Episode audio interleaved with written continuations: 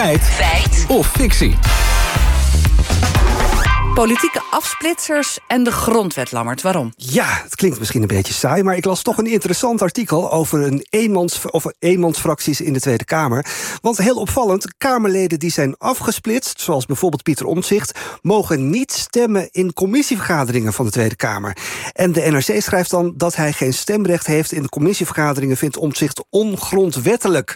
Omtzigt zelf zegt dat hij evenveel Kamerlid is als andere Kamerleden. Nou, dat nemen we natuurlijk meteen aan. Maar die passage in NRC klopt die? Is het echt ongrondwettelijk dat afsplitsers niet mogen stemmen in de commissievergadering? Ja, nou, dat gaan we uitzoeken. Maar eerst maar eens, zijn die commissievergaderingen überhaupt wel belangrijk? Dat vroegen we aan Wim Voermans, hoogleraar staats- en bestuursrecht aan de Universiteit Leiden.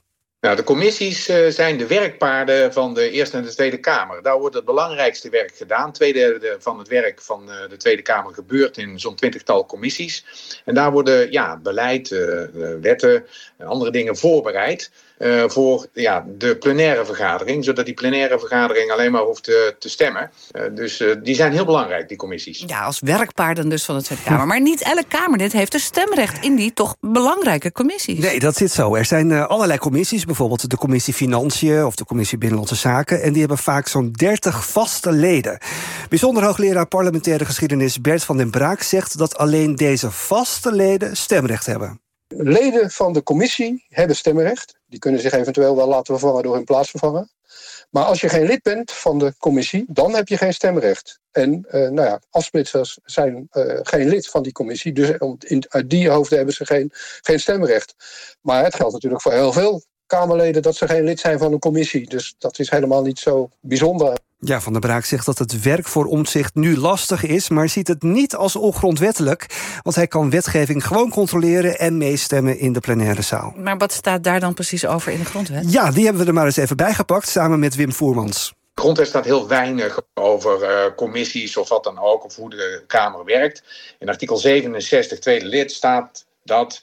Uh, de Kamers besluiten uh, nemen bij de meerderheid van stemmen. Dus verder helemaal niks. Uh, er wordt gekeken, de grondwet kijkt alleen maar naar de hele Kamer. En die moet bij de meerderheid uh, stemmen. Ja, de grondwet uh, zegt hier dus niets over die commissievergaderingen.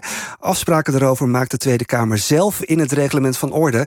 En opvallend detail, volgens Van den Braak stemde Pieter Omzicht in 2017 als CDA-lid nog in met een nieuwe regeling om het afsplitsen minder aantrekkelijk te maken. Ja, maar happens zeg je dan in de tussentijd. Maar goed, het woord afsplitsen is dus nu moeilijk gemaakt. Valt dit allemaal binnen de ruimte die de grondwet dan geeft? Ja, op papier in elk geval wel, zegt Wim Voermans. Formeel is zijn recht om te stemmen niet beperkt uh, door het Kamerreglement. Maar materieel heeft hij natuurlijk wel een punt. Het meeste werk gebeurt in commissies. De stemverhoudingen daar zijn ook bepalend. Dus ja, als je dan niet mee kan stemmen, dan is eigenlijk je beurt wel voorbij. Want dan raast de trein gewoon door naar de plenaire vergadering.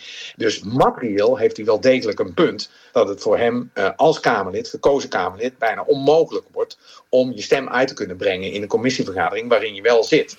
Gaan we even terug naar die passage in NRC. Is het ongrondwettelijk dat afsplitsers niet mogen stemmen... in commissievergaderingen van de Tweede Kamer? Nou, Wim Voermans die vat het even mooi samen. Het wordt afsplitsers als Pieter Omzicht inderdaad moeilijk gemaakt... maar de huidige gang van zaken is niet in strijd met de grondwet.